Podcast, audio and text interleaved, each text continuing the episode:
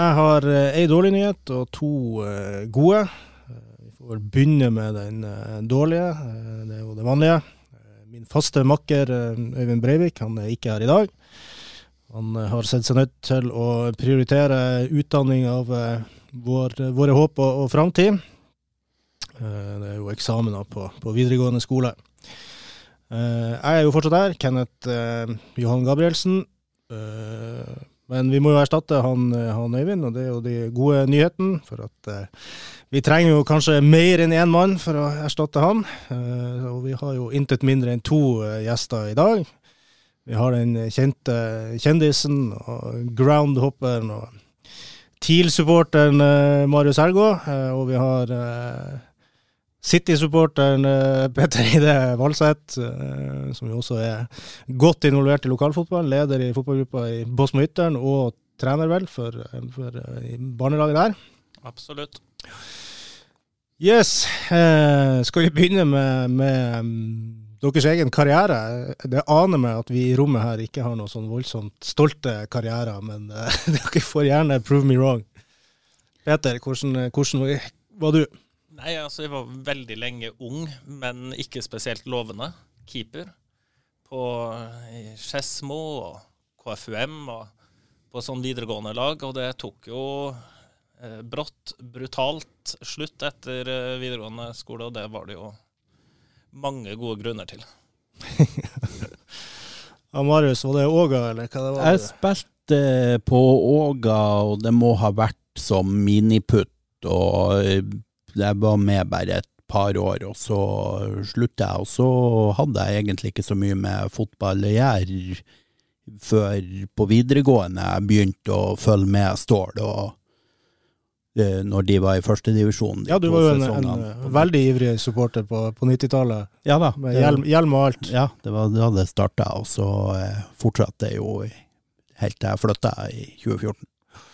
Ja, for du er jo eh, blitt eh, søring av, av, alle ting. Vi har fått en søring nordover, og så har vi eh, sendt en av gårde. Men, men som du sier, du, jo, du, spilte jo nesten ikke fotball sjøl. Hvordan oppstod den store fotballinteressen?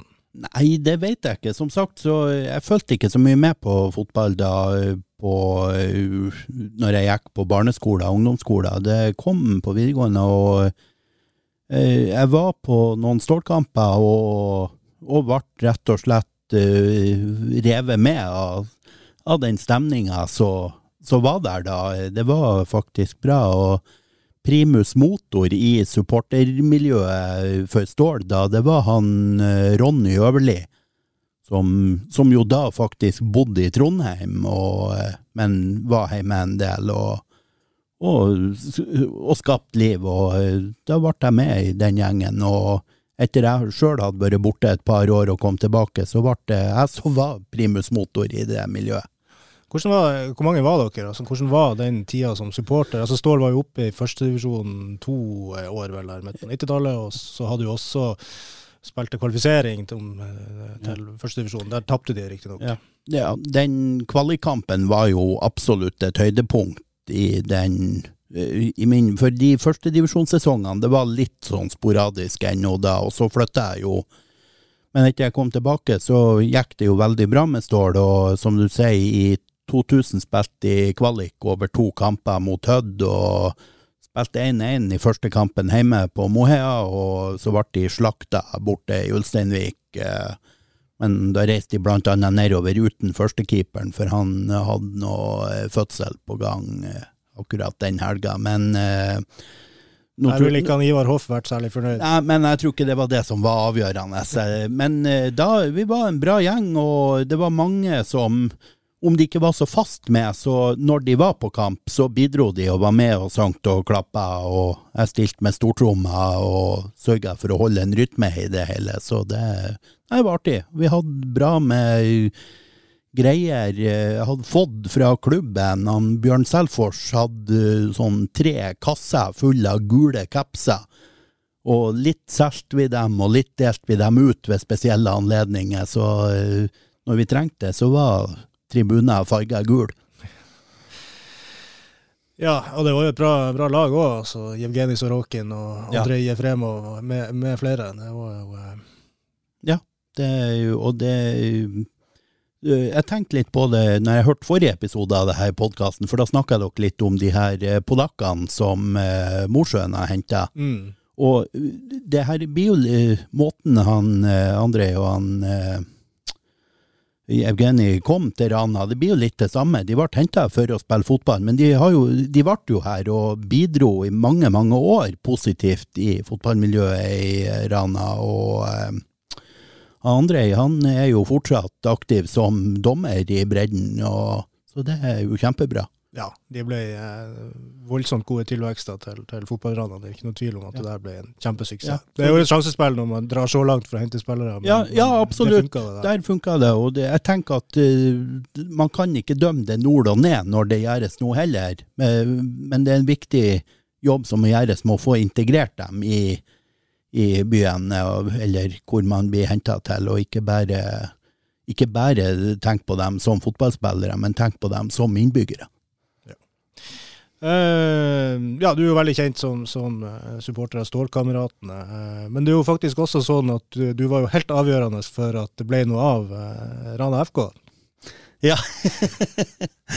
Jeg var jo veldig negativ til sammenslåinga, og, og hvis jeg hadde reist hjem til det årsmøtet i Stål, for jeg er jo medlem av Stål, og stemt, så hadde jeg nok kommet og stemt mot, og det ble jo en stemmes eh, margin, så hadde jeg reist hjem og stemt, så hadde det vel ikke skjedd. Nei, det hadde jo ikke det. Jeg var jo sjøl på det årsmøtet, var jo medlem i Stål i og med at jeg var trener i Stål med sønnen min spilte der. Og det var jo dramatisk årsmøte der. Det sto på én stemme, og det måtte omtelling om eh, være helt sikker på at resultatet var som, som det var. Så hadde du vært der, så eh, hadde ikke Rana FK i hvert fall blitt en realitet da. Det kunne jo blitt en realitet senere, men eh, det, det vet man jo ikke. Hva du tenker om Rana FK i, dag, Marius? Nei, altså, eh, jeg tenker at det har jo vist seg at det fungerer, for det første. Og så er jeg veldig glad at både Mo har prøvd og feila med det, med å å å få et seniorlag igjen. Stål har et seniorlag som fungerer veldig bra, men som er helt klar på at de har ingen ambisjoner. De er et tilbud for å eh, for at det skal være mulig å spille fotball uten å satse. Og eh, det tror jeg er kjempeviktig for å skape suksess, for det har jeg ment hele veien. Det har vært at det som trengs i Rana, det er ikke færre lag, det er flere lag. Eh, For det så man både når Mo hadde sin suksessperiode tidlig på 80-tallet, og når Stål hadde på midten av 90-tallet, at eh, det var en voldsom underskog av eh, andre eh, A-lag rundt omkring, og det gjorde at når en spiller var i en situasjon da han måtte trappe litt ned i to år, så kanskje så trengte man ikke å legge opp og begynne med bedriftsfotball. Da kunne man gå til en klubb som spilte noen divisjoner under. Nå er det jo litt uh, Altså, det er jo et problem for nordlandsfotballen at, at det laveste nivået er femtedivisjon. For det, det, veien opp er så kort. Det tenker jeg er, er veldig synd. Yes. Uh, Peter, din fotballinteresse. Jeg nevnte du var City-supporter, du var Lillestrøm-supporter. Hvor, uh, hvor kom din fotballinteresse ifra? Nei, den har jo vært der egentlig hele livet. Jeg har en uh, far, altså jeg er født i 85, så de første fotballkampene jeg husker, er jo kvaliken til VM i USA med Norge, hvor Um, pappa satt i stolen og hadde laget, hjemmelaga pizza til de kampene. Så det er de første fotballkampene jeg husker. Så var jeg jo født i Trondheim, så jeg var jo litt sånn Rosenborg-supporter, men det ble jo Lillestrøm etter hvert. Vokst, vokste opp på Romerike.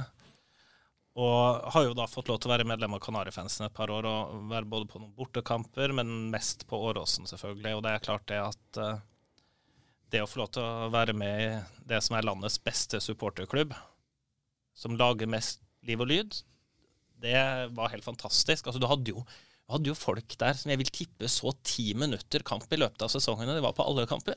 Altså, de sto bare med ryggen til og skapte den stemninga og fikk i gang eh, sangene. og så det var veldig stas. Og så har jo jeg litt sånn heldigvis og dessverre mista litt interessen etter jeg flytta sørfra for det, så nå går det jo mye i eh, engelsk fotball eller lokalfotball. Ja, hvordan er det å være Her er helt uh, oppriktig spørsmål uh, fra min side. Hvordan er det å være City-supporter nå? Altså, Dere vinner jo alt. Uh, suverent bra lag. Altså, Andre laget ville jo sannsynligvis vært i, i toppen, de òg. Altså, er det kun en glede? Det er litt rart. Etter den Champions League-finalen så føler jeg meg nesten litt tom. Hva er det igjen? Altså, jeg, altså jeg har holdt med et dårlig lag og så er man så gode blitt. Uh, og litt sånn tidligere i sesongen, når det lugga og det så noe ut som at kanskje tok man ikke tre Premier League-titler på rad. For meg så er Premier League mye, mye mye viktigere enn Champions League. Det trodde jeg i hvert fall før nervene kom på finaledagen. Og har i hvert fall fortalt det til meg selv ettersom man har røket ut i kvartfinaler og semifinaler. Så syns jeg jo det som har vært gøy i år, det er at vi plutselig har verdens, en av verdens aller beste fotballspillere. Han er norsk. Og vi har ikke hatt en nordmann i City i, som har spilt på A-laget siden faren hans. Så det har jo vært veldig gøy. Og det merker man jo at blir jo litt fokus. Man kjøper seg Haaland-drakt, og guttene går i Haaland-drakt, og så skårer han jo liksom ja, hat trick f.eks. i et derby mot Manchester United. Det, ja, han skårer jo sykt. Når jeg hadde spillere som skåra så mye mål i, i, Championship Manager og Football Manager, da brukte jeg å avslutte gamet og begynne på nytt. For det var helt, helt usannsynlig. Det kunne aldri skjedd i virkeligheten. Og nå eksisterer en sånn spiller. Ja, nei, så det, det har jo vært helt uh, absurd. Og så er det jo mye diskusjoner og mye støy rundt City. Det, det handler jo om uh, en diskusjon om sportsvasking og om financial fair play, hvor de er anklaga for å ha brutt de reglene. Og det syns jeg var ganske sånn forstyrrende eh, og slitsomt. Eh, jeg holdt holdt med den klubben eh, før pengene kom, og jeg kommer til å holde på med det når de eierne har forsvunnet. Eh, og så er det en debatt som har utvikla seg, og det må man jo bare tåle å, å stå i. Men eh, det skal jo bli mange som kommer til å møte seg i døra, og de gjør det jo allerede. Nå når de sitter og håper at sitt eget lag blir tatt over av lignende eiere med dype lommebøker. Uh, og liksom retninga på internasjonal idrett eh, generelt um, er jo bekymringsverdig uh, i forhold til, til uh, demokrati og en del sånne verdier som jeg tror alle vi som sitter her, og alle lytterne våre, deler. Uh, samtidig så er jo verden sånn. Og idretten har vært en av de arenaene hvor man har møttes litt sånn på tvers av hvilken kultur man kommer fra, hvilket styresett regjeringene har. Så det er jo liksom eh, eh, krevende debatter å skulle manøvrere i, så eh, må jo velge å av og til ignorere det og nyte fotballen. Ja, det er jo absolutt bra fotball. Så er nok jeg der at jeg klarer ikke helt å nyte fotball. Det gjelder ikke bare City, det gjelder egentlig eh, generelt. Og, og, du er jo en fornuftig mann, eh, Marius. Du er jo Manchester United-supporter. Men er, er, du like glad i Manchester United som, som du var? Jeg bruker Eh, å titulere meg som avdanka Manchester United-supporter. Det eh, Jeg begynte da på videregående, så begynte jeg å følge med dem òg, og og det har variert litt sånn hvor tett jeg har fulgt dem, og, men de siste årene Jeg har på varsling på resultater fra kampene, og, men jeg har ikke hatt Premier League-abonnement på mange, mange år, så jeg har sett kamper jevnlig. Det har ikke vært Og så er jeg jo med i noen Facebook-grupper fortsatt. Eh, sånn, og blant annet i en av dem eh, ble det jo veldig mye diskusjoner her eh, på mandagskvelden, for det dukka plutselig opp sterke rykter om at nå var det salget av Manchester United til uh, han der sjeik Yasim fra Qatar gjennomført, og, og det ble jo mye diskusjoner der inne, der noen uh, helt ukritisk var jublende glad for at man kanskje endelig var kvitt Glazer-familien, mens andre så den uh, problematiske sida med det å ha et regime som i stor grad er basert på menneskerettighetsbrudd, som uh, inne på eiersida. Men jeg, men jeg, tenker, altså jeg er ganske sånn fanatisk City-supporter. Altså det er bare å innrømme. Jeg ser uh, stort sett alt som er av kamper. Uh, det gøyeste var jo selvfølgelig å slå United i FA Cup-finalen. Helt ufortjent. Det, det, må jeg jo bare ærlig innrømme. Men det som er rart, er hvordan den debatten har utvikla seg. Fra å diskutere ja, er det rettferdig at du bruker mer penger enn du tjener, som det var når City fikk nye eiere, delvis når Chelsea fikk Abramovic, som jo aldri var diskutert. Selv om han er en oligark som har altså, tilrana seg en rekke verdier fra det russiske folket. Men når det kommer noen fra litt sydligere strøk, så har debatten utvikla seg til å bli en diskusjon om menneskerettigheter som er relevant. Altså, jeg påstår ikke at den er relevant.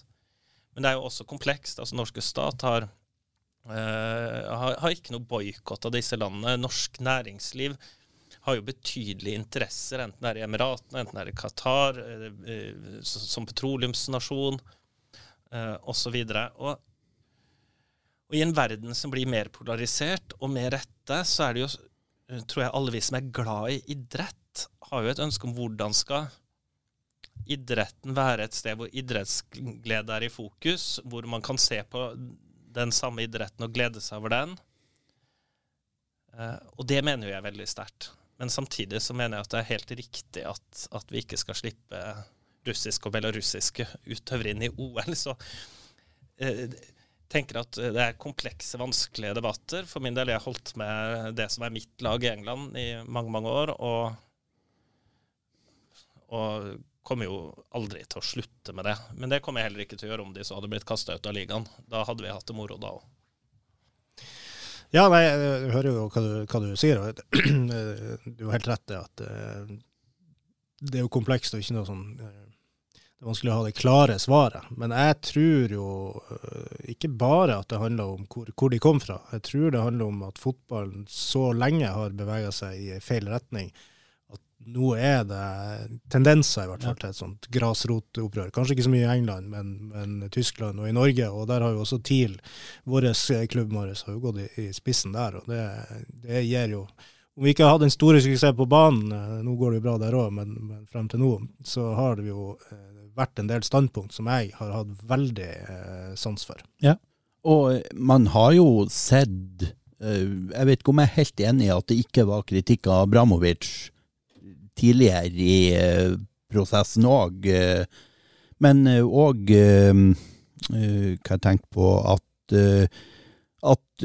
supportere i England har mobilisert fordi at de mener at sånn langt borte-eiere ikke hører hjemme i den engelske fotballen. Så man har jo sett de her FC United of Manchester som eh, har, De opererer nede på nivå sju, eller hva det er, i det engelske systemet. Og, men det kommer et par tusen stykker på alle kampene deres, som alle er folk som har brukt å gå på Manchester United-kamper, men av hvordan den klubben har vært forvalta, så har de mista helt eh, tilhørigheten dit, og har derfor ble det oppretta en ny klubb. Eh, på det, og det, det finnes helt sikkert andre eksempler på sånt òg. Og så vet man jo om, eh, om eh, supportere, blant annet han eh, Knut Espen Svegården, som jobber i VG-sporten, han har jo en lang fartstid som Manchester City-supporter. Men han har jo vært helt åpen på det at etter de her emirateierne kom inn, så har ikke City gitt han noe glede. Nei, og det er Hvis vi får Qatar-eiere i United, så tror jeg at jeg kommer til å kjenne på noe av det samme. Jeg skal ikke si at jeg ikke kommer til å se kamper og sånt, for som Peter er inne på, er jo en ja, bortimot ja. fanatisk tilhenger og, og, og, har brukt mye tid og kommer til å bruke mye tid på Manchester United. Men det er ikke det samme som, som det var. Det, det, mener jeg bestemt. Og Jeg så jo Class of 92 her om dagen. og du, Det å vinne med, med så mange egenproduserte spillere. Nå var Manchester United en stor klubb, altså, brukte mye ressurser, mer ressurser enn de fleste andre. Så, så eh, det var ikke diametralt motsatt. Men, men, man bygde opp noe eget, og det med lokale gutter òg. Ja. Mm. men jeg, jeg, tenker jo at hvis man skulle gjort noe med den internasjonale fotballen, så holder det jo ikke noe bare å gjøre med de altså fordi den kritikken som kom mot City-Chelsea i starten, det handla jo om, om, rettferdig konkurranse. Altså det å generere egne inntekter. Det handla ikke om menneskerettigheter, eller i hvert fall i stor grad. Det har endra seg. Jeg syns jo det er bra. Altså jeg er opptatt av menneskerettigheter. Så jeg syns det er bra å få en diskusjon om det. Og man kan jo si eh, at jeg tror jo ikke at det at, eh, at liksom broren til lederen i, sitter og er eier i, i, City har ført til mindre oppmerksomhet knytta til at det er menneskerettighetsbrudd der. Jeg tror det har ført til mer oppmerksomhet knytta til det. Og det er aldri feil med en sånn type oppmerksomhet, men det er klart at det man nå hører om muligheter kanskje å ha faste lønnstak som er like for alle, noen begrensninger på overgangssummer, det er det som vil gi reell lik, eh, likere konkurranse. fordi Alternativet er jo at de klubbene som er størst, vil for alltid være størst. 70% av suksessen til et lag er knytta til økonomi. Uh, og det er ikke noe mer rettferdig om, den, om de har rød, blå, gul eller strippa skjorte. Men uh, så er det jo litt artig å se, sånn som vi driver med fotball her i Rana, hvor det kanskje handler mer om å skape gode utviklingsmiljøer over tid, men hvor selvfølgelig også rammebetingelser har noe å si, men hvor det vel ikke foreløpig er noe sjeiker på gang. Nei, Jeg skal komme litt, eh, litt tilbake til det, men jeg tror òg jeg tror fotballen blir å tape seg sjøl hvis man ikke får gjort noe med, med, konkurransen, rett og slett. Eh, for de blir så eh, gode, de som er gode. og De blir så store og de blir så økonomisk sterke. og du ser Tradisjonsrike klubber i England sliter jo med å få det til å, til å gå rundt når de, er, når de er lenger ned i systemet. Så at noe må gjøres, det, det tror jeg absolutt. Um, men uh, lite Manchester United etter hvert, kanskje, Marius. Men, men, ikke lite fotball. Du er jo rundt omkring overalt. Hva er den rareste stadion du har vært på? Nei, rarest og rarest Jeg begynte jo etter jeg flytta sørover i 2014 med det som kalles groundhopping. Når jeg begynte med det, så visste jeg ikke at det het det, eller at det var ei greie i det hele tatt. Jeg ville bare bli litt bedre kjent i Oslo, den nye plassen jeg bodde. Så jeg fant ut da kunne jeg ta T-banen opp eh, til eh, Korsvoll en lørdag eh, formiddag og se en kamp der. og og så ble jeg etter hvert hekta, og så fant jeg ut at det fantes et miljø for det her, og en app for å registrere plassene man har vært og sett kamp. Og um, det medførte jo at uh, etter noen år så plutselig tikka det inn i innboksen min på Twitter en invitasjon fra en journalist i Romania som skulle arrangere sånn groundhopping-helg med De fleste deltakerne var briter og så var det jeg som var norsk. Så på den første utgaven av her så var vi 13 deltakere, og så jeg fløy nedover til uh, Surtsjava, en by nord i Romania, og, og var på en fire-fem breddekamper der i løpet av helga. Så det var jo rimelig spesielt. Så her, det her innførte han da senere som ei som ei fast greie. Han har gjennomført eh, fire eller fem sånne uh, arrangementer nå, uh, eller seks kanskje. Og jeg var nedover på enda til, og da var vi over 50, og det var flere nordmenn, og det var flere fra, flere fra andre deler av Europa òg. Så det var en fantastisk opplevelse å være med på.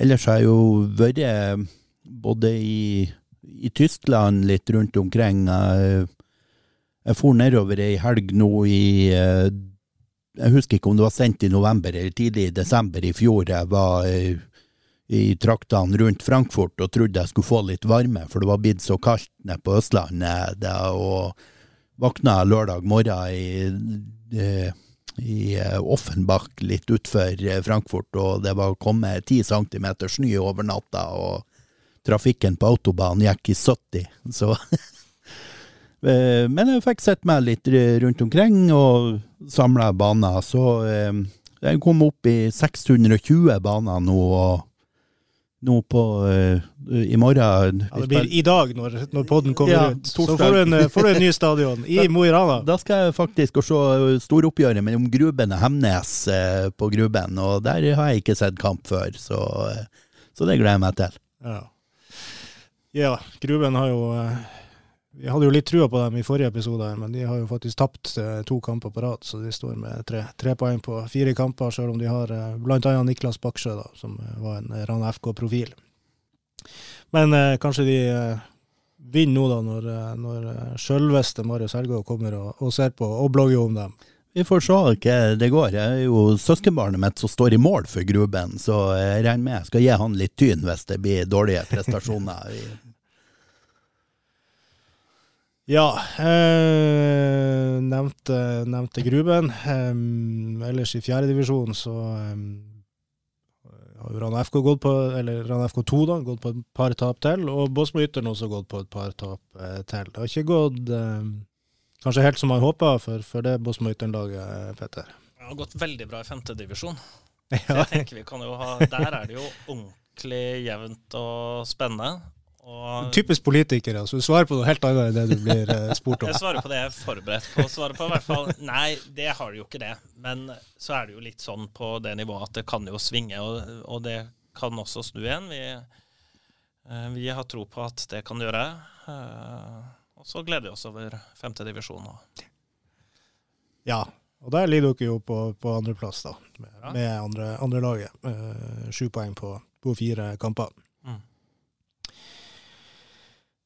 Eh, du, Peter, eh, nevnte jo en ting som du kunne tenke deg å, å diskutere, eh, og det var Lise Klavenes sin brannfakkel, som, eh, som VG kalte det. Ja, og det, det der var jo litt rart, men på idrettstinget så var det jo en del sånn diskusjon om man skulle begynne å legge begrensninger på hvor mye fotball unger skulle ha lov til å trene. Og det syns jeg er veldig rart. Altså, jeg driver og er eh, leder for fotballgruppa i en breddeklubb. Vi står virkelig inne for å brenne for det her med flest mulig, lengst mulig. Når jeg trener for 2016-gjengen, Båsmo-gjengen, så jeg, jeg har null ambisjoner om å skape en Premier League-spiller eller eliteseriespiller. Jeg har ambisjoner om at de skal ha det gøy, lære seg å bli gode lagvenner, eh, lære seg å ikke filme når de har sett litt for mye på TV, eh, at de skal trives, at de skal lære mestring, alle sånne gode verdier. Men det er klart at de som er ivrige må få lov til å sparke fotball, og en av de tingene som jeg syns blir veldig rart, er når vi A skal sette idretter opp imot hverandre. Det er det ikke behov for. Jeg tror at for de fleste foreldre så styres det av barnas interesser, sånn i all hovedsak. Du skal være bra gæren sånn fotballfar, sannsynligvis, hvis du skal tvinge ungen din til å gå på fotball, og du lykkes ikke med det over tid. Men er de ivrige, så er det jo også andre tilbud. Eh, For det første så har man jo hatt eh, en av de fantastiske tilbudene som har kommet, med sånn løkkesøndag, hvor de kan dra og spille i Stålhallen når det var på vinteren. Uh, Plutselig er de med en bror eller søster som er litt eldre eller yngre på trening, og Eller så tar de bare med ballen under armen, og så går de og spiller. Og hvis det er én ting vi ikke trenger, så er det at voksne mennesker skal si til unger du spiller for mye fotball. Fotball er altså den viktigste leverandøren av folkehelse til det norske folk. Det er sunn aktivitet, det er sosial aktivitet, og det er forhåpentligvis en sosialt inkluderende aktivitet hvis vi klarer å lykkes med at kostnadene ikke blir for høye.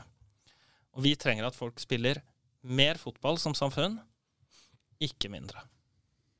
Ja, jeg er helt enig i det du sier. Jeg tror òg det er det å gå helt feil vei og skal legge en sånn begrensning. For det, man vil ikke oppnå noe som helst med det. Og hvordan i alle dager skal man håndheve det? Det vil jo bare bli gjennomført flere uregistrerte treninger, rett og slett. Så det Nei, det det tror jeg sånn begrensningspolitikk, det tror jeg ikke vil eh, vil føre til noe som helst.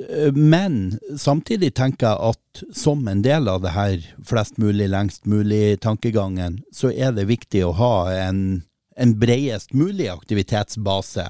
At, eh, sånn at det legges til rette for at sjøl om de som vil trene mye, får det, så blir det mulig for de som både vil trene fotball og delta i cuprenn på ski på vinteren, og kanskje spille basket, at det er mulig å kombinere de tingene? Det, det skal være mulig. I Rana FK så tror jeg det står i sportsplanen at det, sånn, Ja. andre treninger skal telle like mye som en fotballtrening når du ser på, på, på oppmøtet. Om det praktiseres like godt hos alle, det skal jeg ikke si, men det er i hvert fall det som er utgangspunktet. Og så er det jo en litt sånn rar diskusjon, tenker jeg, i Mo- i Rana. Der er jo ikke problemet at vi har for mye trening. Eh, Min erfaring i hvert fall er jo at eh, vi sliter med å få treningstid nok, og det er gjerne mindre plass enn det man eh, optimalt skulle hatt for at det er så stor så mange på, på så liten plass, i hvert fall vinterstid. da. Ja, men Der skjer det jo noe fantastisk nå. Altså Nå er eh, hallen til Gruben ferdig. Det blir jo masse ekstra plass og treningstid. Og så gymsalen på Båsmoen.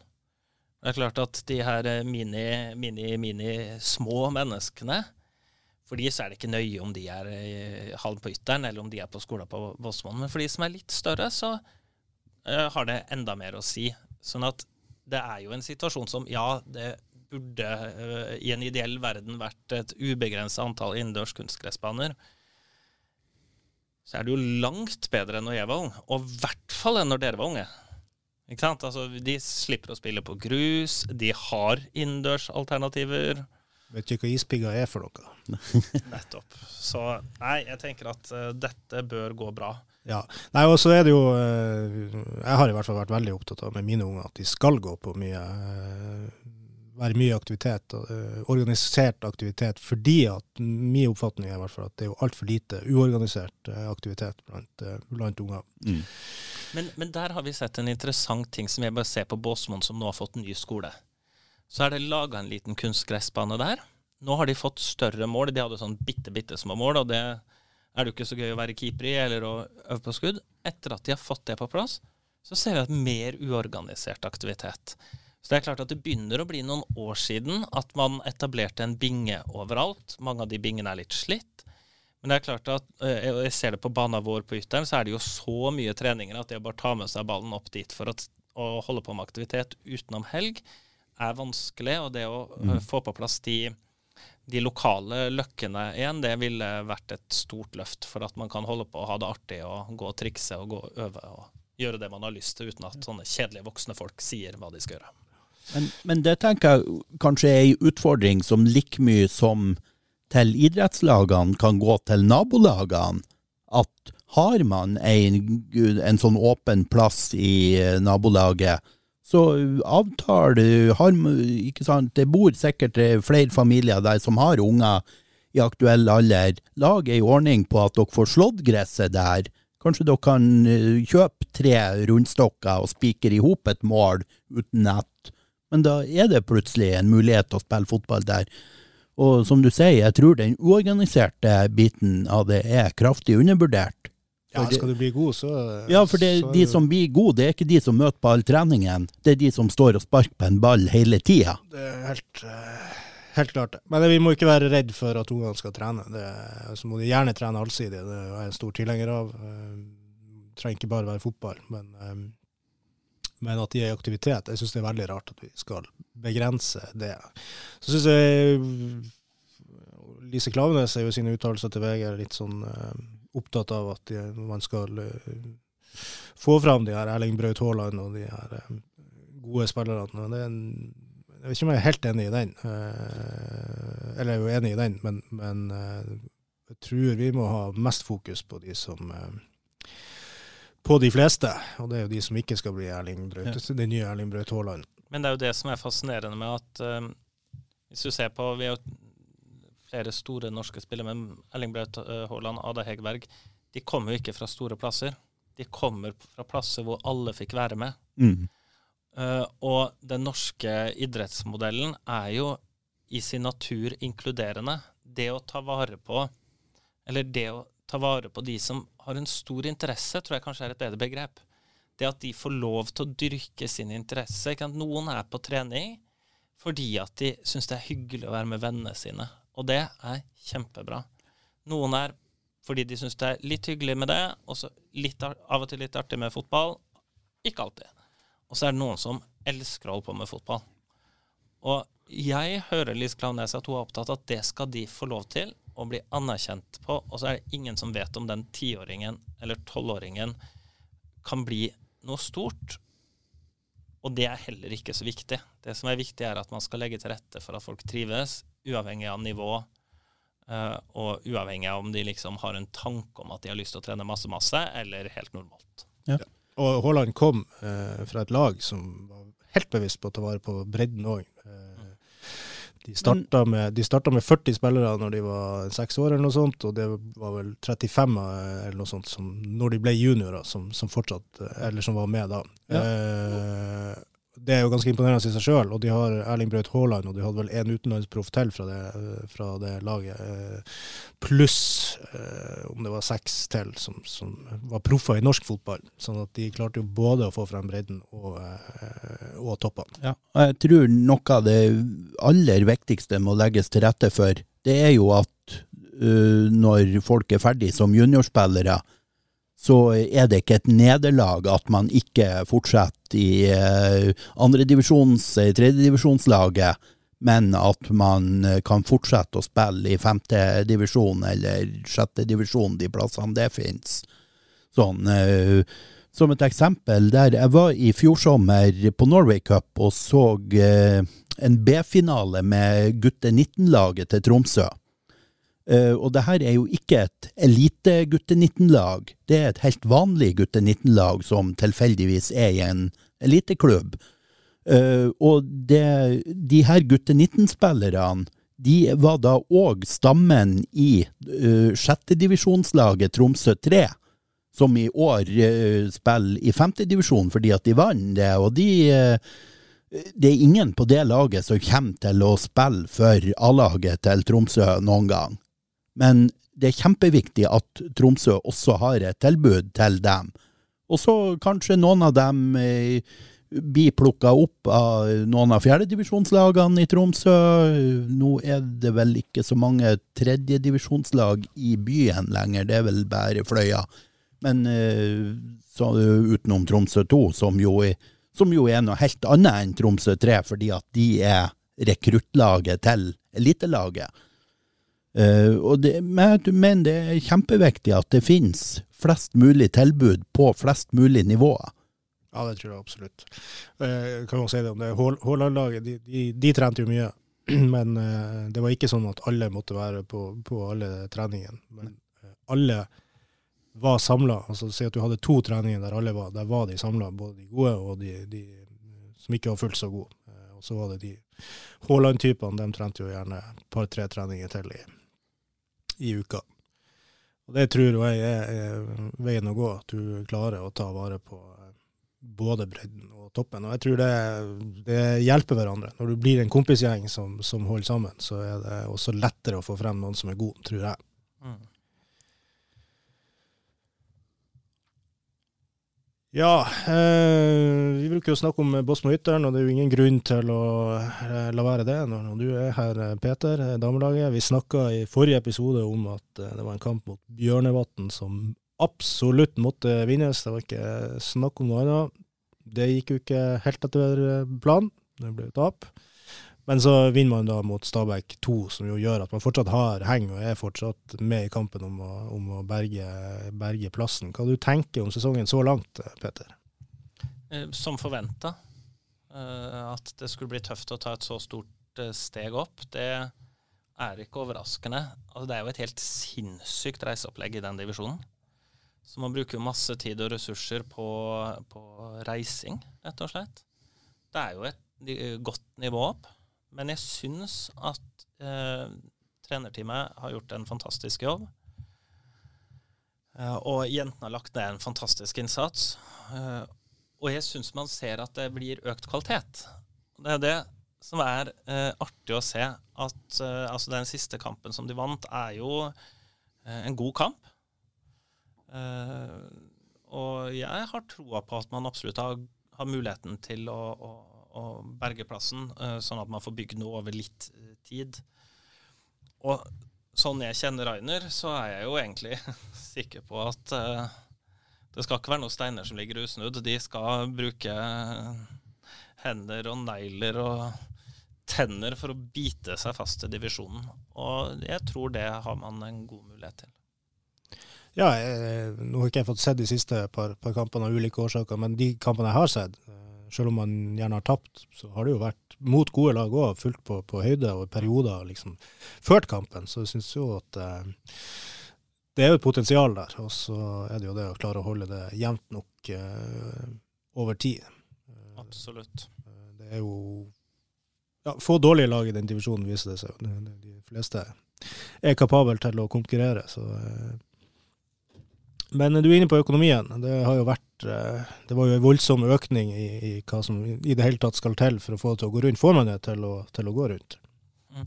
Godt spørsmål. Altså det krever jo en, en, um, at vi tar et steg opp på veldig mange nivå. Sportslig så er det gjort. Altså det, er, det er levert veldig god innsats. Nå er det altså flere på trening nå enn det var i april. Veldig godt oppmøte. Jentene er profesjonelle. Vi har fysioterapitilbud som jo er helt sånn avgjørende for å, å ha jentene klar til kamp. Uh, leveres godt. Vi har et trenerteam uh, med Raine Gunada Roger som uh, lager et veldig godt sportslig opplegg. og så er jo vi en breddeklubb da, som sånn egentlig er vant til å drive med cup. Og, og seksåringene og tolvåringene. Mm. Og det er jo litt sånn skrekkblanda fryd når man plutselig får høre fra Fotballforbundet at målstolpene må være hvite, så er det jo ja, hvordan gjør vi det? Det, det er litt sånn Google for min del. altså En ny som leder i fotballgruppa i tillegg. sånn at For min del så har jo det vært et lite sjokk. Men så er det jo sånn at det her koster jo mye penger. Og vi hadde jo hatt et ønske om at vi hadde fått flere sponsorinntekter. Og det trenger vi hvis vi skal klare å fortsette å utvikle et så godt tilbud som jentene fortjener. Fordi at det vi har en litt sånn historisk mulighet til, ikke bare i Rana, men på Helgeland, det er at du kan ta veldig viktige og avgjørende steg i din fotballkarriere, nettopp for å bli den nye Ada Hegerberg i Mo i Rana. Mm. Og den muligheten har vi nå. Og det er klart at jeg tror og håper at det er enda flere i næringslivet som har lyst til å være med og skape de rammebetingelsene for at det skal være nødvendig. Og det handler om eh, økonomi. Og grunnen til det er at det koster penger å fly ned til Oslo og spille mot Lyn eller HamKam eller Kongsvinger. Um, uh, så det er klart det er en stor jobb for oss, og det uh, håper jeg at vi skal lykkes til. For alternativet er jo at, at vi må si at nei, vi, det, det, er ikke like viktig med jenter. Vi som vi som fotballby eller fotballregion eh, klarer ikke å ta det løftet sammen. Men eh, jeg har god tro på at det skal gå, og det er mange som kan vente seg en henvendelse om det fra oss. Men eh, Hva det står på så langt, er det deres innsats, eller er det holdning i næringslivet? Hvorfor er ikke flere kommet på banen allerede? Nei, For det første så kan det nok hende at vi var litt seint ute i forhold til hva vi burde ha vært. Det er én ting. Det andre er vi har ikke gjort det før. Vi har aldri hatt et behov for å ha så stort budsjett rundt et lag. Så vi skal jo også lære å utvikle oss som klubb, i, eh, samtidig som vi skal ivareta alle de andre oppgavene som ikke har blitt noe mindre. Eh, og så er det jo sånn at jeg tror ikke det var så veldig mange i Rana som var så godt kjent med den toppsatsinga som vi har i Båsmytteren, som har vært f.eks. med Rana fotballklubb. Og det er jo ikke noe unikt for Rana at herrefotball har fått mer oppmerksomhet enn kvinnefotball. Det er jo et strukturelt problem. Men jeg tror at hvis du hadde søkt opp eh, eh, på artikkeldatabasen til Rana Blad i andel som, av hva som blir skrevet om de ulike lagene historisk, eh, så har det vært mye mer fokus på herrefotballen. Så derfor tror jeg det er en blanding av ting. Men det er jo ikke noe tvil om at det er jo næringslivet som vil være med å avgjøre om vi får det til. Og veldig mange er jo med. Ja, vi er jo kjempetakknemlige. Det er det som gjør at vi har turt å ta sjansen på at det her skal vi få til. Og så håper vi at enda flere har lyst til å være med, sånn at vi klarer å få etablert oss i divisjonen og gi et egentlig et virkelig sånn godt tilbud. Altså all norsk andredivisjon i Lille i Rana som kan være et tilbud til unge, lovende jenter fra hele Helgeland. Ja, det er et ganske bra nivå. Det er noe helt annet enn hvis man detter ned i tredjedivisjon. Da er kamptilbudet det, det, det, er ikke sammenlignbart i det, i det hele tatt.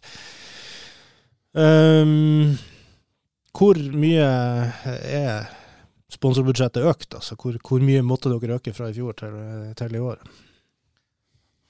Åh, det, det spørsmålet skulle jeg visst at du hadde stilt, så hadde jeg visst det. Men kan du si vi bruker ja, 1,2-1,3 millioner bare på reise. Ja, det er jo så, ja. så vi har jo et budsjett på 2,5-3 millioner som vi trenger for å, å, komme i mål, og vi er ikke der på inntektene enda.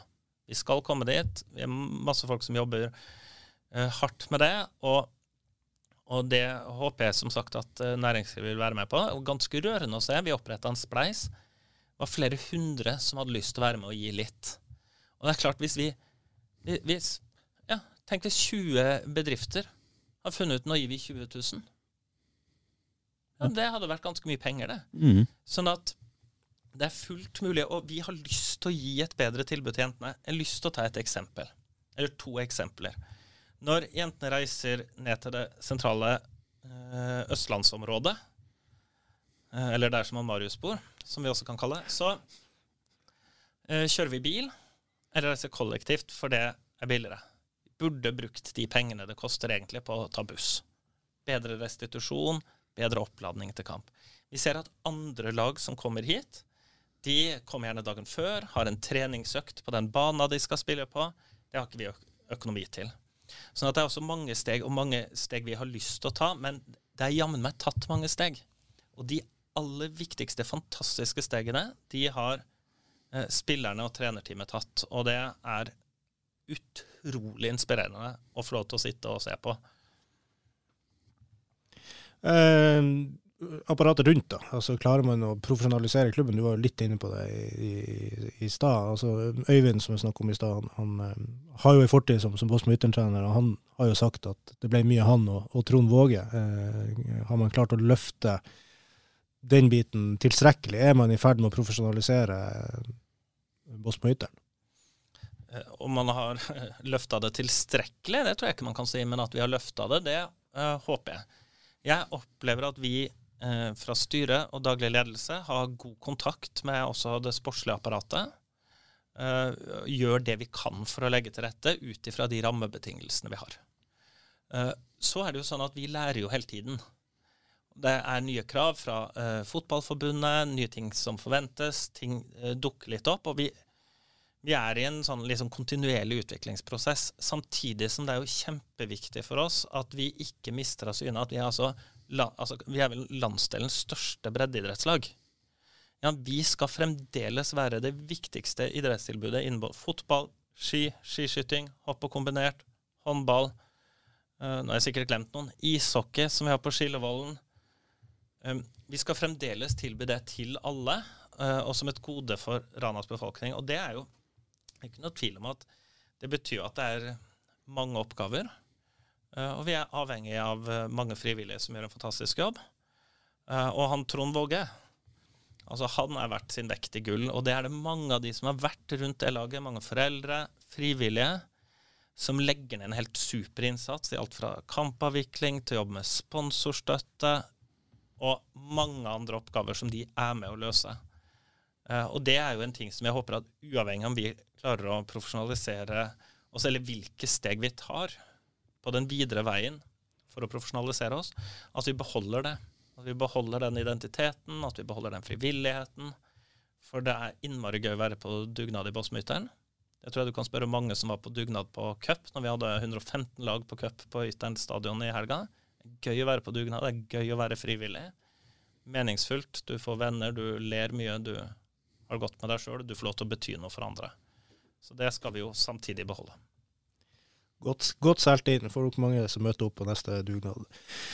Uh, har du vært på Ytteren, den i samlinga di? Uh, Ytteren stadion har jeg, men det er jo før den ansiktsløftinga de har fått de siste årene. Det, jeg var der og så en stålkamp for mange herrens år siden jeg husker han eh, Herlof Øverdal gjorde en eh, forferdelig eh, offside-tabbe på sidelinja, så han måtte i garderoben i pausen og be om unnskyldning. Men Nei, der har jeg vært, og jeg syns jo det er spennende å se det som at Båtsmoyteren fungerer så bra på bredde, og det er det jo mange andre klubber òg som gjør. Så For som vi har vært inne på, det er jo det er der grunnlaget legges. Eh, sånn, skal man ha toppfotball, så er man helt avhengig at det finnes eh, breddefotball. Eller så er man helt avhengig av at det finnes noen enorme pengesummer i omløp som, som per nå ikke finnes, eh, her i Rana i hvert fall. Det får se hva som skjer hvis jeg vinner i Eurotrackpot på fredag. Så det var 1,3 milliarder i potten. Så. Ja. Kan Boss på Ytteren få litt. Ja, det er mulig. Det kan jeg love. Hvis jeg vinner 1,3 millioner, Peter, så ringer jeg deg på lørdag. Ja, Da skal jeg krysse fingrene for at det blir du eller jeg som vinner den premien. uh, ser man jo på styrkestallen foran eh, resten av sesongen, eller er det de spillerne Man fikk jo tre fra, fra Gran annet rett før sesongen på, på lån. Eh, er det muligheter for spillere inn, eller er det umulig?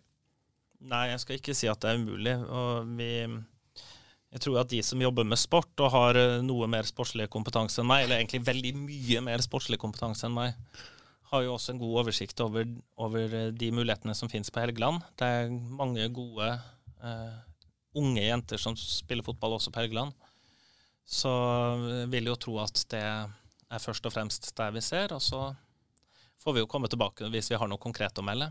Jeg leste jo i Rana Blad at uh, Ingeborg Anette Norheim, som spiller for Gran, flytter til uh, Korgen, var det vel. Så det er jo ikke så veldig langt unna. Nå var hun vel ganske klar på at hun skulle gi seg, men uh, tenker man å ta en telefon der og høre om det ikke går an å ta noen måneder i høstsesongen, i hvert fall. Nå er det vel sånn at hvis man skal gjøre det, så må man snakke med Gran først, og det har vi per i dag ikke gjort. Hun var vel bl.a. den som avgjorde altså cupkampen. eh, Bossmøyteren holdt jo Gran veldig bra i første omgang, og så satte de på nevnte Norheim. Hun skåra vel tre mål, så avgjorde vel den kampen. Ja, altså Det var ganske irriterende, men akkurat da så var jeg jo litt sånn å se på reisebudsjettet. Så tenkte jeg det ble i hvert fall ikke en sånn bortekamp til Arendal eller et eller annet sånt som hadde kosta heroin. Men ja. Samtidig syns jeg det viser, for i den kampen så er altså Bossmytteren på fullt på høyde veldig lenge.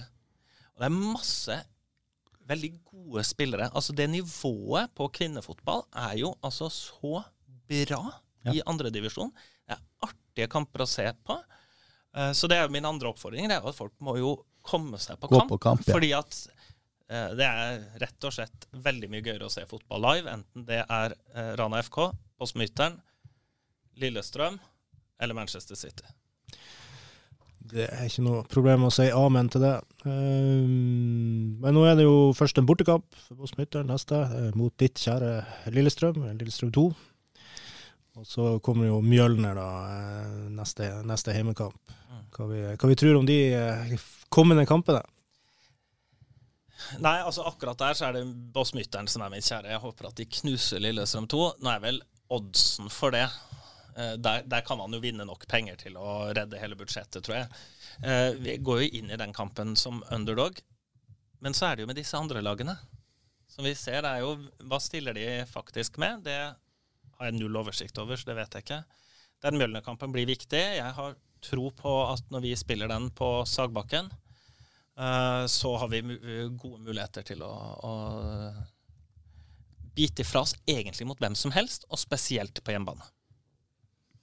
Jeg tror det, det blir jo en viktig, viktig kamp. Men um, som sagt, det, det, har jo vist seg at alle, alle, lag er kapable til å ta poeng mot nesten alle. Så det er en ganske jevn og, og bra serie. Mm. Men det blir, det blir, spennende å se. Jeg uh, håper folk tar de, de oppfordringene og møter opp. Det er, det er underholdende kamper, og det er bra, bra fotball. Og så får vi håpe for Rana-fotballens del at eh, Bosmo Utøy klarer å tippe flere og flere av dem i, i sin favør. Ja. Ellers er det jo et interessant poeng at uh, denne kampen går dagen før kampen til LSK kvinner i toppserien, mm. og ikke dagen etter. Så uh, det vil nok redusere antall tilgjengelige toppspillere. Det er vel en fare, fare for det, at man sparer spillere som kan bli involvert i, i førstelagskampen. Så det kan være en fordel for Bosmo Ytteren. Eh, Rana FK har jo sportslig gjort det eh, veldig bra siden sist. To seire. Slo topplaget Byåsen 3-0 eh, hjemme etter en veldig veldig god kamp. Og så fikk man jo sine første bortepoeng og møtte eh, riktignok et i hvert fall foreløpig ganske svakt Orkla, men vinner jo hele 7-0. Eh, kalassiffer. Uh, får du fulgt noe med på Rana FK, Peter? Ja, jeg gjør jo det. Jeg har jo selvfølgelig også kontakt med Rana FK i, i den jobben jeg, eh, jobben jeg gjør for Båsmytteren, og prøver jo å få dratt på kamp eh, når jeg har anledning til det. Syns det er spesielt sterkt med den hjemmeseieren, egentlig. Altså 3-0 der eh, er jo godt gjort. Og så er det jo veldig bra at akkurat idet Rana-bladet begynner å skrive om liksom dette bortespøkelset, så får man lagt den litt død. Kanskje at det ikke blir Eh, en greie. Men det er utrolig artig å se at de har eh, god utvikling, sånn jeg vurderer det. Eh, og det, toppnivået til Rana FK er veldig høyt. Det tror jeg vi kan sette to strek under det med toppnivået til Rana. Så Og jeg tror jo at veien framover for Rana, om vi skal heve blikket litt bare fra de to neste kampene, er litt det samme som det vi var inne på med dere Båsmo Ytteren det er jo at man må komme seg bort ifra at ting er personavhengig, og at man har et system på alt som fungerer uansett hvem som slurter. Ja, og det er jo eh, dagens nyhet, eller gårsdagens nyhet når jeg kommer ut, er jo at Olav Øverli eh, gir seg i, i eh, Rana FK. Fått et tilbud fra Bodø-Glimt, eh, der han var før, før, han kom til Rana FK. Da var han i akademiet, nå blir han G17-trener. Eh, det er jo en nyhet som i hvert fall ikke jeg ser sånn voldsomt positivt på. Olav har sett utenfra imponert meg, vært veldig engasjert og flink. Involvert i utrolig mye og virker som han har et godt omdømme i, i andre klubber og i hele, hele fotballmiljøet. og har vært en veldig sånn kraft som, som um, kunne vært med å bygge noe veldig bra. Uh, så jeg syns i hvert fall det er utrolig synd at han uh, gir seg nå. Det er for tidlig, syns jeg. Så skjønner jeg selvfølgelig at, uh, at det har vært et tilbud og, som har vært fristende, og kanskje andre grunner òg som, som, ligger bak. Men, Men jeg tror du tenker helt feil på det. For jeg tror vi, vi har jo kommet et veldig stort steg når Rana har blitt en by du kan få lov til å komme til, utvikle deg, sånn at du blir attraktiv videre eh, for andre og større klubber. Eh, og det tenker jeg, enten du er spiller på, eh, på damelaget til Båtsmytteren eller på herrelaget til Rana FK, eller nå med i det støtteapparatet, så ser man at det er igjen da, den muligheten til å ta viktige karrieresteg hos oss det vil gjøre at når de nå skal ut og finne noen, så er, ikke, så er de enda mer attraktive enn når de skulle ut og hente Olav. For han har gjort en fantastisk jobb. Og det tror jeg ikke bare er for Rana FK. Han har også vært med på, på en del av de tingene som er viktige for våre utøvere. Da, ikke sant? Fotball før frokost. Det er jo ikke bare de som spiller Rana FK som er på det. Fotballfritidsordning, som jeg har en sønn som går på, som er kjempetilbud for de som vi snakka om tidligere, har lyst til litt mer. Ja. Eh, også sunne, gode voksne som er der. De får god mat. Løkkesøndag, som jeg bare elsker fordi at de er ute og fri aktivitet på barna, men det er godt lagt til rette. Eh, og så er det jo Og mange av de strukturene er nå etablert. Eh, så de vil jo ikke bli borte, selv om Olav blir borte. Så må vi bare håpe at de lykkes med å få inn noen ordentlig gode til å være med og bidra på den jobben. Og jeg jeg tror du har helt rett. Min opplevelse av Olav er utrolig lett å samarbeide med. Eh, fryktelig vanskelig å mislike som person. Faglig sterk.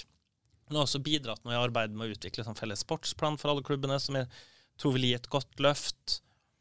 Eh, så det er bare godt å si. Man skulle jo også sånn personlig ønske at han var her, men jeg tror at det er riktig og viktig at folk kan se at vet du, de kan flytte til Rana få en sånn jobb. Og så kommer altså selveste Bodø-Glimt. Nord-Norges stolthet. Hadde, det vært TIL, så skulle jeg skjønt det. La oss lokke av Bodø-Glimt. Landsdelens juvel. altså, det må dere jo innrømme, gutter, at det er svært. Nei, det er så rent faglig. Det er jo svært. Marius Helga, det er jo svært. Altså, det er helt uavhengig av det. Jeg, jeg er enig Hvis du ser bort ifra de siste tullet du kom med, så, jeg, jeg, så følger jeg deg veldig lenge på det med at ja, det er bra at vi får visst at vi er en utviklingsarena, men spørsmålet er var det rett tidspunkt for Rana FK at det skjedde? Nå tror jeg det er veldig bra at det er en såpass lang periode han eh, fortsatt vil være tilgjengelig for eh, Rana FK. For det er jo ikke tvil om at han og han Ørjan har fungert knall som et team. Det har vært et veldig bra team. Og det er jo det som er eh, Altså, å finne flinke fagfolk, det tror jeg er den enkleste sak i verden. Men det å finne noen som fungerer i et sånn tospann som det å være hovedtrener og det å være assistenttrener er og skal være, det er ikke så lett. Så, eh, så det er nok den største utfordringa. At man finner den personen som, som faglig utfyller han Ørjan, og som eh, fungerer helt som hånd i hanske som et team. Sånn at eh, den, det den ene tenker, det sier den andre uten at de har snakka sammen. Ja, jeg er heller ikke uenig med han Peter i at det er på en måte bra at man blir så attraktiv at man blir henta til det som jo er Norges største klubb eh, akkurat nå. Det må man jo eh, bare innrømme at, eh, at det. Nå er det synd at lytterne ikke får se ansiktet ditt. For den satt langt inne! Nei, altså det må man jo bare innrømme. Bodø-Glimt er jo på et annet eh, nivå enn de fleste andre norske klubber akkurat, akkurat nå. Så kan det jo heldigvis eh, snu. Eh, men eh, ja, det er et bra signal sånn sett, eh, og, og jeg tror at det går an å erstatte han. Og så tror ikke jeg at det nødvendigvis blir kjempeenkelt å erstatte han. Skal, det skal klaffe på, på alle nivåer, han har gjort en, en jobb som langt går utover Du var inne på alt som, som han har vært med i. Det er langt utover et, et A-lag. Og det, er- akkurat A-laget, det tror jeg ikke det er verst for. Eh, de Det er vel rekruttene han har hatt hovedansvaret for nå eh, siste tida. Ja. Um, nei, men jeg tenker det er fantastisk. Men vi må klare å løfte blikket. fordi at det å sette eh, utøvere i sentrum, enten de utøver trenergjerning, dommergjerning eller spillegjerning, det er det som gjør at vi klarer å komme oss litt videre. Vi har jo sett hvordan det har gått når vi har satt klubbene i sentrum. Sånn som det ser ut for meg, nå er jeg jo tilflytter, og det her er kanskje litt å banne i, i kjerka, altså. Men det var jo frustrerende å sitte og se på at man hadde to klubber som eh, altså, som sørga for at man ikke klarte å ha en avklart toppsatsing, da. Det, det var frustrerende. Klubbene satt i sentrum, ikke utøverne. Og det tenker jeg alle de av oss som jobber med eh, jobber med fotball, må jo prøve å lage noe gode kvalitative tilbud. Og, og i det, på sikt, når man skal bygge noe som er bærekraftig over tid, så tror jeg det er et bra signal. Og så er det jo selvfølgelig avhengig av å treffe på ansettelse. Altså når du har tre ansatte, så er det jo en tredjedel av teamet det er snakk om. Eh, Men det Ja. jeg tror jeg de får til. Altså Jeg har tillit til at liksom Jimmy og Bjørn Audun og, og, og den jobben de har gjort med Vi har sett hvordan de har satt sammen teamet til nå, så er i hvert fall track recorden deres god. Ja, det, det er helt åpenbart. Men, eh, men spørsmålet, tenker jeg, det er jo igjen tilbake til det her med personavhengig eller et system som fungerer uavhengig. Eh, Det er jo nå vi vil få se om Rana FK er kommet dit at de ikke er personavhengige lenger. Så eh, det er Jeg tror det er kjempespennende tid for klubben. Det er veldig spennende å se hvem som kommer inn i, i stedet. Og så er Ja. det jo også sånn at uh, kontinuitet er også viktig for å uh, skape Absolutt. suksess. Uh, både på spillersida, og det, det har jo trenerne snakka mye om, og, og også på ledersida, tror jeg. Og i den litt sånn sårbare fasen Rann FK er i, så går vi noen måneder tilbake, så var det nok ingen som ville trodd at de skulle ligge i toppen i, i tredjedivisjon. Nå gjør de plutselig derfor at det er gjort en eh, god jobb. Men jeg, jeg tror ikke det skal så mye til for at Rann FK ikke er på uh, har den gjennomslagskraften i lokalsamfunnet og har den sportslige suksessen som, som de har akkurat i, i øyeblikket. Mm, Det er enig. Og så vil jeg bare si at jeg ble spurt um, på sånn fem på gata før første kampen. Eller var det ikke fem på gata, det var 15 på gata hva man trodde om Rana FK. Da sa jeg tror de blir å kjempe i toppen. Det var før sesongen. Og så ser du at du ikke har kompetanse, Peter. Du er jo, eh, Det er den klokka som ledig, det er ledig jobb i Rana FK, det er bare å søke. Ingen fare for det. Det skal de få slippe.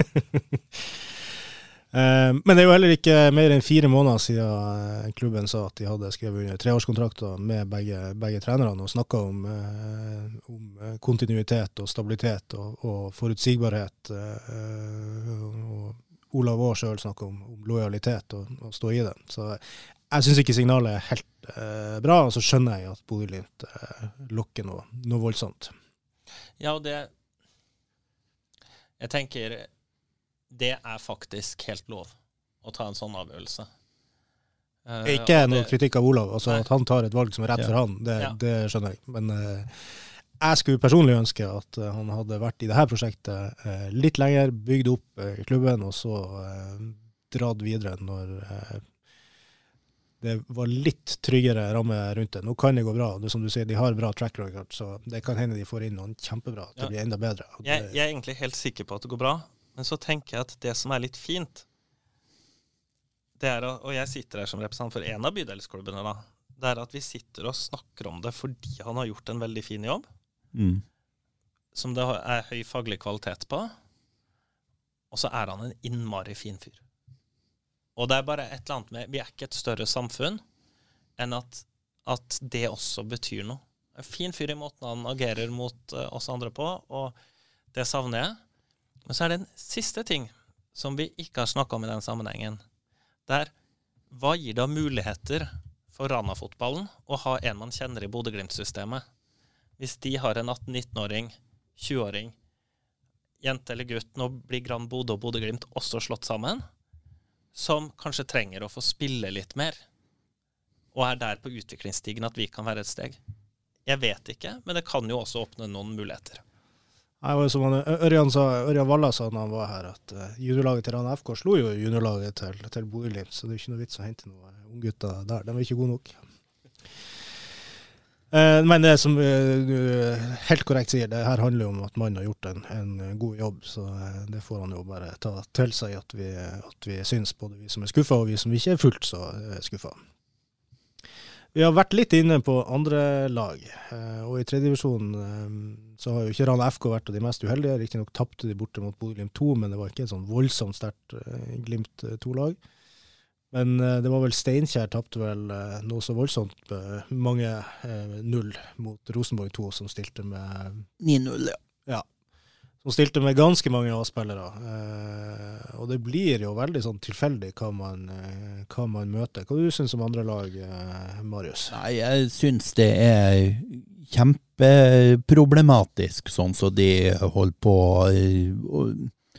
Men noe av det største problemet er jo at de klubbene som rammes av det, de roper høyt om det i, når de møter et uh, tredjedivisjonslag som er forsterka med en uh, to-tre mann med 50 eliteseriekamper hver. Men så gjør de akkurat det samme sjøl med sine andre lag i fjerde-femtedivisjon. Uh, også de klubbene som er potte sur der, nede på Østlandet, så har man jo helt ned til niendedivisjon i Akershus og tiende i Oslo, så ser man at de klubbene som er sur for at de møter uh, tredjedivisjonsspillere i femtedivisjon, uh, de uh, gjør det selv, samme igjen med sine andre lag i sjuendedivisjon, og, og sånn forplanter seg hele veien ned, og det da, da blir det, da blir det, ja, det blir vanskelig å ta seriøst det sinnet de, de kommer som tredjedivisjonsklubber når man ser at de, de, de sjøl òg bidrar til det samme, og, og, heller ikke stemme for forslag som kommer på fotballtinget, der det jo faktisk må løses hvis man mener alvor med at man skal rydde opp i det. Jeg tror Uh, jeg tror ikke den modellen man har i dag er holdbar, uten at jeg sitter med fasit på ja, hva, hva, er er løsninga. Jeg har sett uh, Noen mener at man må ha en egen reservelagsserie for Eliteserien. Noen sier Eliteserien og Obos-ligaen. Uh, men hvor skal skillet gå? Hvordan løser man det når noen rykker ned fra fra uh, Obos-ligaen. Hva skal da skje med andrelaget deres? Og da tror jeg det er en bedre løsning, som jeg har sett noen har skissert, at man får enda mer vanntette skott imellom, uh, imellom første- og andrelagene. Uh, det, det, vil være en løsning som ligner litt mer på den de har i Spania, der uh, andrelagene det finnes et Barcelona B som spiller på nivå to. Martin Ødegaard var i Real Madrid B som spilte på nivå to i Spania. Men der opererer det andre laget helt som en egen entitet, og har ingenting med, med førstelaget å gjøre, annet enn at de har samme klubbpresidenten. Så, Så spørs det om vi har spillere nok i alle lagene til at du kan ja, ja ikke sant, men eh, da er kanskje Da blir det spørsmål Trenger vi å ha et uh, I Rogaland så finnes det et Madla 5 i den nederste divisjonen. Kunne de spillerne på Madla 5 heller ha vært i, eh, i en annen bydelsklubb som kanskje ikke har A-lag, og så spilt i samme divisjon? Hva du gjør deg slags tanker, Peter, om andre lag i, i seriesystemet? Nei, jeg tror at man er nødt til å se på hvordan toppfotballen, altså Tippeligaen og Obos, opererer. Fordi det er en forskjell på om du ødelegger konkurransen til de som er på vei opp i, og, og som aspirerer mot, og enten på kort eller mellomlang eller litt lengre sikt, ønsker å bli et toppfotballag. Rana FK er et godt eksempel, ønsker å komme seg i andredivisjon, og jeg er rimelig sikker på at da vil ambisjonene på sikt eh, justeres. At man ødelegger for de, versus at at andrelaget til Båsmytteren møter et litt forsterka Rana FK, det går bra. Det, det går faktisk fint. Fordi at når du kommer nedover der, så er jo målet nettopp det Marius snakka om litt tidligere, å ha et tilbud til alle, uavhengig av hvor mye du vil satse. Og da kan det at du har litt fleksibilitet mellom lagene være viktig. Eh, Men at tilfeldigheter skal kunne avgjøre om, om Rana FK rykker opp f.eks. neste år, fordi at plutselig så kommer Rosenborg 2 med Per Siljan Skjelbred og Markus Henriksen på, liksom på sagbakken, eh, og så klarer de ikke det, mens de stiller med et mye dårligere lag mot noen andre. Det vil jo oppleves eh, litt bittert. Ja, det tror jeg ikke det er mye tvil om. Og Det er jo, helt, det, er jo det som er problemet med andre lag. Det blir så uh, tilfeldig hva du møter. Ja. Uh, og de må jo naturlig nok prioritere sine første lag. og det, det kan få noen utslag for, for andre laget, og de som andre laget møter, som jo ikke er helt bra. Sånn, sånn sett, for å skryte litt av Tromsø, så virker det som om der eh, seiler andrelaget i veldig stor grad sin egen sjø. Det, de har nesten ingen mandagskamper, for de jo veldig ofte spiller Tromsø 2 samtidig som førstelaget. TIL er best i alt. eh, Marius, Ja, ikke sant?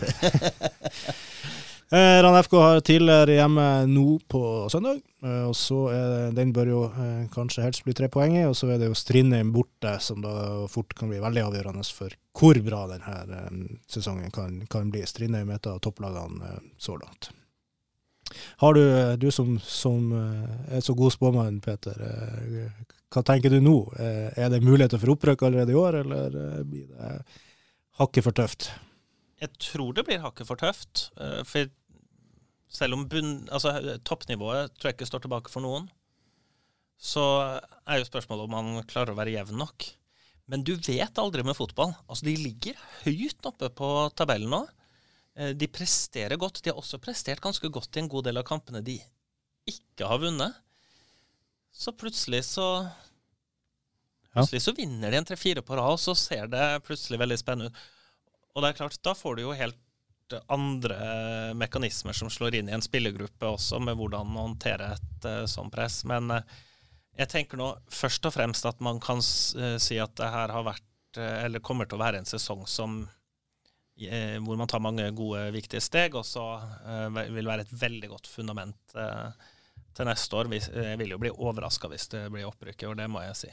Da Jeg er helt enig med deg, men samtidig, altså Per nå er det seks poeng opp til Strindheim og Nardo som eh, leder, og det er ikke veldig mye. Eh, det er det er liksom eh, et par kamper, og la oss plutselig si at Stjørdalsblink finner ut at hm, vi trenger noen nye spillere til andredivisjon for å styrke oss, for de sliter litt og så, så er jo kanskje Strindheim og Nardo, som er i toppen av tredjedivisjon, det som er enklest for dem å se til for å styrke seg, og da vil jo det svekke, svekke. Så eh, det skal ikke mye, mye til før at de vippes opp, men eh, jeg er enig med deg at jeg tror nok det er det her kampen om å være best etter Strindheim og Nardo som, som må fokuseres på nå. Og så får man se på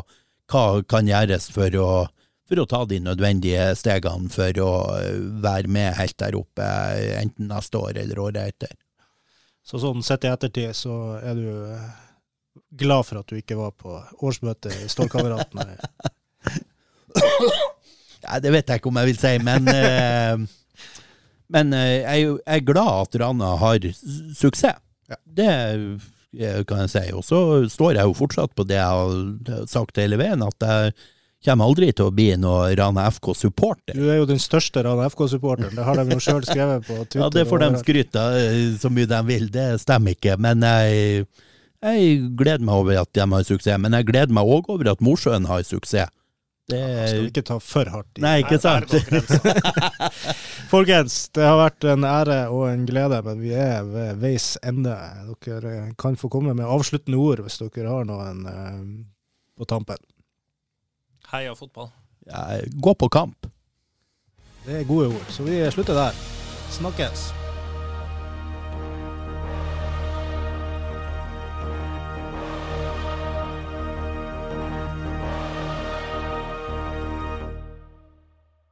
Har du et enkeltpersonforetak eller en liten bedrift?